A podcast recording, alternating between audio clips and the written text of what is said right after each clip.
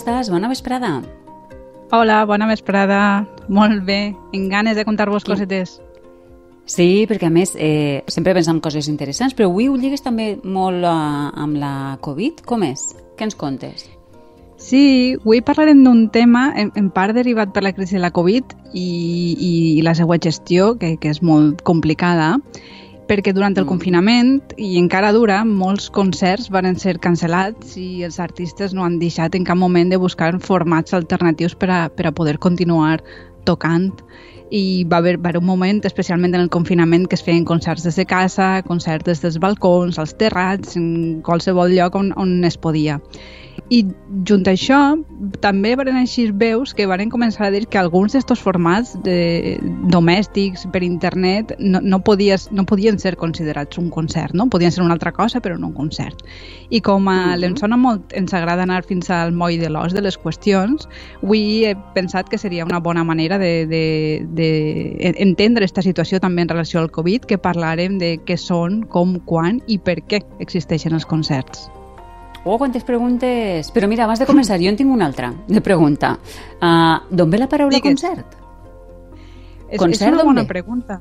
És una bona mm. pregunta i que, que jo sàpiga no hi ha massa acord sobre, sobre el tema. En principi, sembla que prové del llatí concertare, que vol dir contesa o, o disputa, i d'una altra paraula que és consortium, que a tots ens sona, que vol dir societat o participació, que és d'on vindria després consorci. Els primers que mm-hmm. adoptaren aquesta mm paraula en el sentit musical que avui, que avui coneixem serien els italians, que mantenen el significat del seu verb concertare, que vol dir el, el mateix que en valencià, convindre alguna cosa amb algú, estar d'acord, romandre junts, i que seria el, el mateix significat que, que té per a nosaltres la paraula concertar, que és concertar una cita, per exemple. Mm. Aleshores, l'origen geogràfic del concert musical podria ser Itàlia? tampoc està del tot clar. Pareix ser que és un fenomen que es va començar a donar successivament i des de diferents focus a, a Europa simultàniament en relació eh, íntima amb com qualsevol altre fenomen musical. Eh? No, no hi ha fenòmens musicals aïllats amb els canvis econòmics i socials d'època moderna, és a dir, sobretot a partir dels segles XVI i XVII i sobretot a partir del segle XVIII. Mm -hmm. I, I com van ser aquests inicis? primer, eh, podríem dir que, que definir el concert com, com un acte públic o privat, també pot ser privat, on es va escoltar música per gust, normalment amb una separació entre intèrprets i públic. I això que a nosaltres ens pareix un dia una obvietat molt gran, en el passat no ho era tant, ja que en la, la majoria de, de músiques, abans que nasqueren els concerts, anaven lligades a una finalitat concreta. Per exemple, moltes de les músiques del passat tenien finalitats religioses, o eren una música mm. per al ball, o eren una música que acompanyava obres dramàtiques de teatre, o estaven pensades fins i tot per acompanyar desfilades reials on el monarca volia lluir-se, o fins i tot una mescla de diverses d'aquestes coses. Ah, podem, eh, Isabel, escoltar una d'aquestes músiques que dius? Doncs un exemple molt conegut d'aquestes músiques que tenen diferents eh, finalitats és l'obertura de l'òpera Orfeu de Claudio Monteverdi, que és una de les primeres òperes de principis de, del segle XVII, i aquesta introducció, que és l'obertura de qualsevol òpera, en, en el cas de la de Claudio Monteverdi, servia tant per a que la gent s'adonara que anava a començar la funció, que és una cosa que, que es dona en totes les òperes, com perquè la gent sabera que eixa música l'havien pagada una família que eren els Gonzaga, eren els, eren els mecenes. Aleshores, mm -hmm. eh, també la música de l'Orfeu en general tenia una funció teatral, o sigui que tenia aquestes tres funcions. Si voleu podem escoltar-la.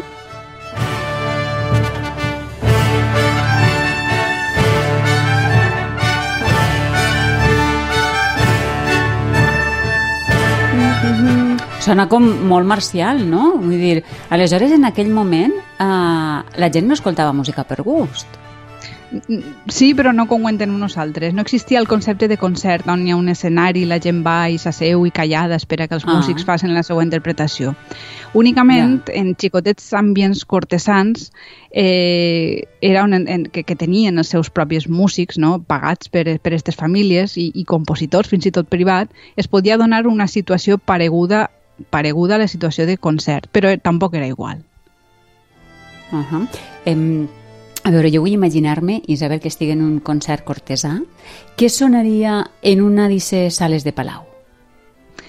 Segurament no li diries concert, però per a que ens podem fer una idea tots de com sonarien estos ambients cortesans, escoltem una obra de Mateo Fletxa que s'anomena La viuda, que té una història fascinant al, al darrere i que avui no dona temps d'explicar, però que estem que, que segur que va sonar en algun dels palaus de la València renaixentista dels segles XV i XVI. Veure.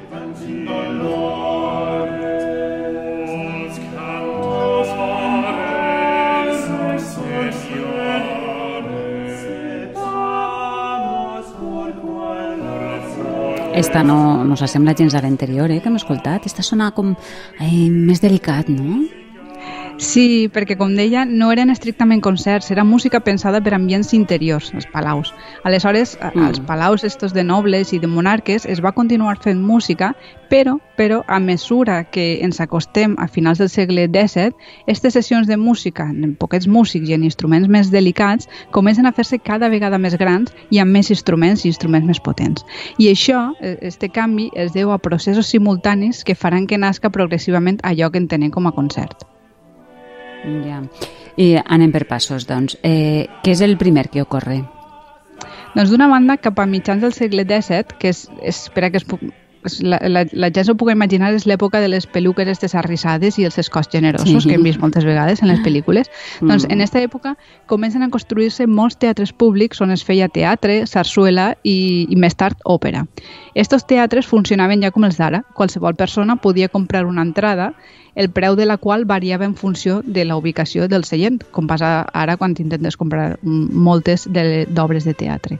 I també ja hi havia abonaments, que és una cosa que, que també està avui en dia. Ah, sí, sí, sí. Eh, això passa avui en dia no només als teatres, també passa als estadis esportius, no? Sí, sí, és una cosa que comença en aquell moment i continua encara avui en dia en, en, diferents, en diferents teatres de diferents espectacles. En, en estos teatres les millors parts les ocupava l'aristocràcia i la burgesia i eh, el galliner, que eren les parts altes, el poble. Sí. En tot cas, per, a, per al nostre interès ara d'explicar el concert, la idea que hem de retindre és que en aquell moment es, es construeixen eh, grans espais als quals accedeix qualsevol persona, mm, pot accedir pagant. Uh -huh, entesos. Però eh, havies dit que hi ha més factors, no?, a més de l'espai. Sí, paral·lelament a la construcció dels teatres, tant públics com privats, té, un, té lloc un fenomen que es coneix com les acadèmies.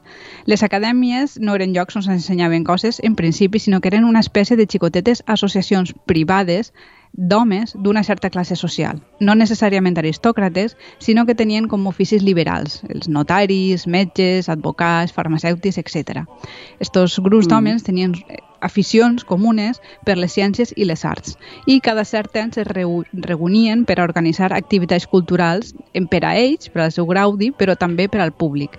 De vegades, moltes d'aquestes activitats eren molt innovadores perquè ells gran part de, de, del seu temps i del seu potencial econòmic altres franges socials no tenien, el dedicaven a això, a, a estar un poc al dia de, del que passava en altres indrets.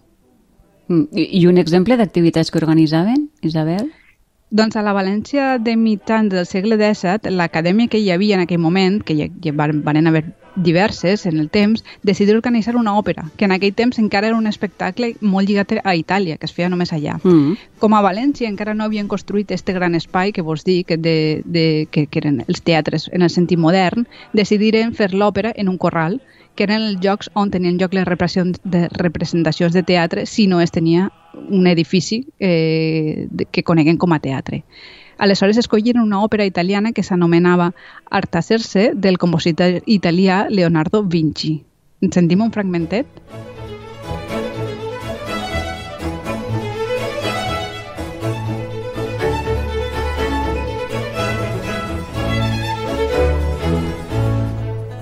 Leonardo Vinci. I va agradar o no? Doncs es veu que no massa, encara que avui en dia la tenim Ui. molt assumida l'òpera, es veu que no m'ha agradat massa, mm. però de tota manera l'òpera acabaria imposant-se a totes les ciutats europees i sent un, un, un gènere mainstream. Però si tornem al cas de, dels concerts, aquestes eh, acadèmies, a més d'obres escèniques, varen començar també a fer xicotets concerts de música del que avui diríem de cambra, que es diu així perquè es podia fer en una habitació, on tocaven tres, quatre instruments. Esta música, mm, per, per dir-ho d'una forma resumida, ja no tenia cap finalitat concreta, sinó que l'escoltaven per gust i, eh, de fet, cada vegada més compositors varen, es varen dedicar a compondre aquestes obres de cambra. I en aquell temps, ja cap a final de, de, del segle XVIII, el compositor que més es feu més famós amb aquest tipus d'obres és Joseph Haydn, que també el podem escoltar un poquet per imaginar-nos com sonarien aquestes obres de cambra.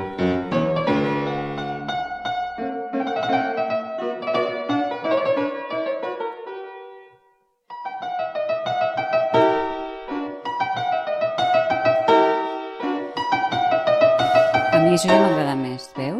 Mm -hmm. Imagina que organitzar aquests concerts amb pocs músics eh, seria més econòmic també que muntar una òpera. Sí, en este cas està sonant un piano forte que és com el, el iaio del, del piano actual, però en tot mm. cas, quan, quan eren altres músiques que eren això, trios, quartets, era molt més econòmic.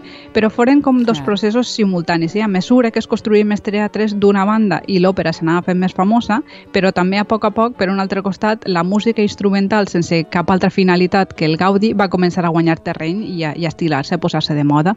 De fet, tant les acadèmies com altres iniciatives privades, com veien que la cosa de muntar espectacles musicals sense que foren teatrals tenia molt d'èxit, crearen cicles de concerts on tu podies comprar un abonament per a tota la temporada. I així van néixer unes associacions que s'anomenen justament societats de concerts i la finalitat de les mm. quals no era una altra que organitzar cicles de concerts. I on es feien aquests concerts?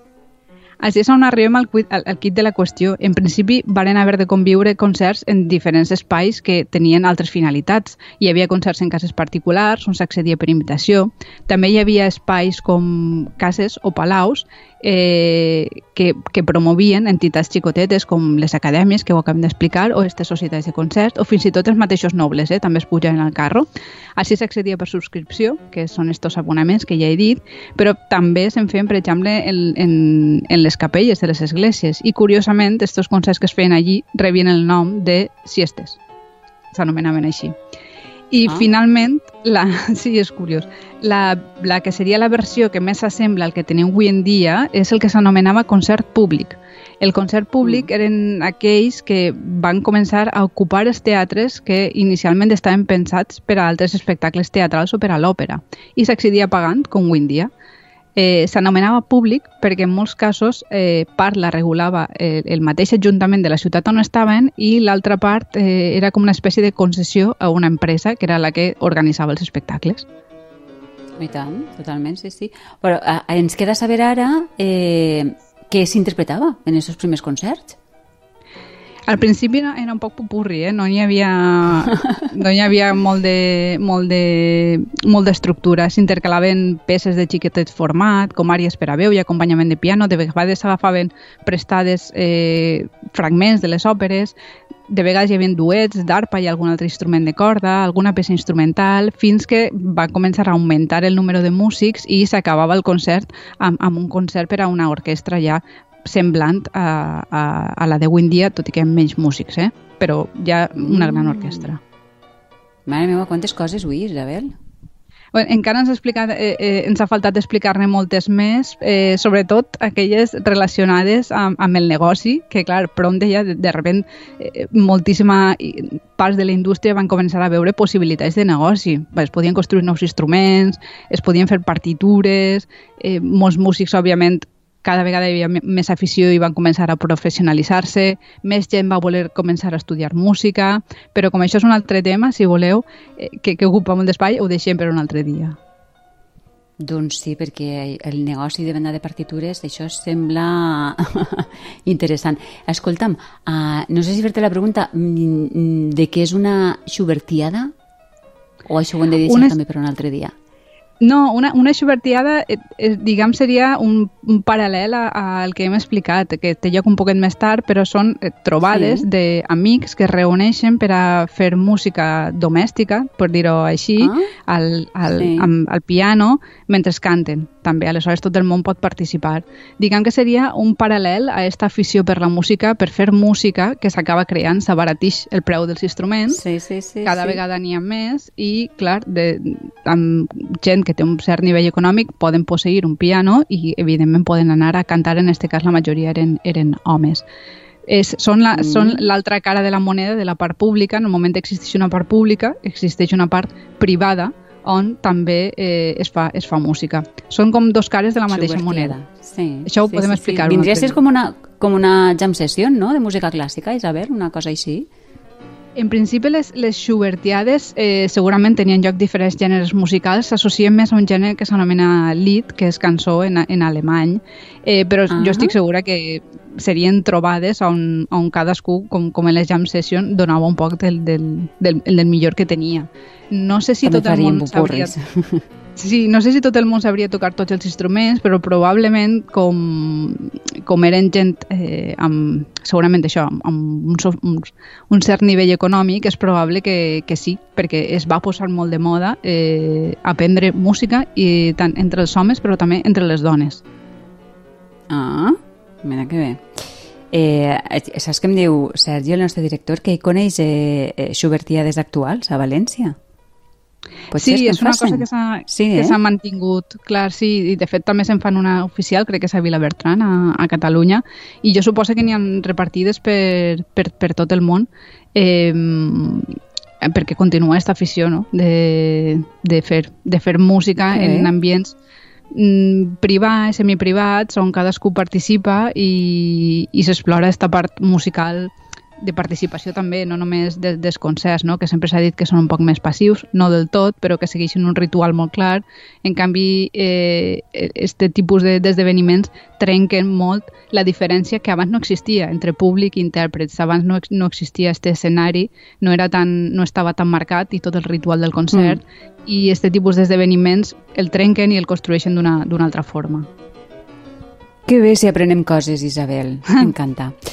Doncs eh, t'esperem la setmana que ve amb més qüestions apassionants del món de la música. Que acabes de Perfecte. passar una bona setmana. Igualment. Adeu. Adeu, bona vesprada.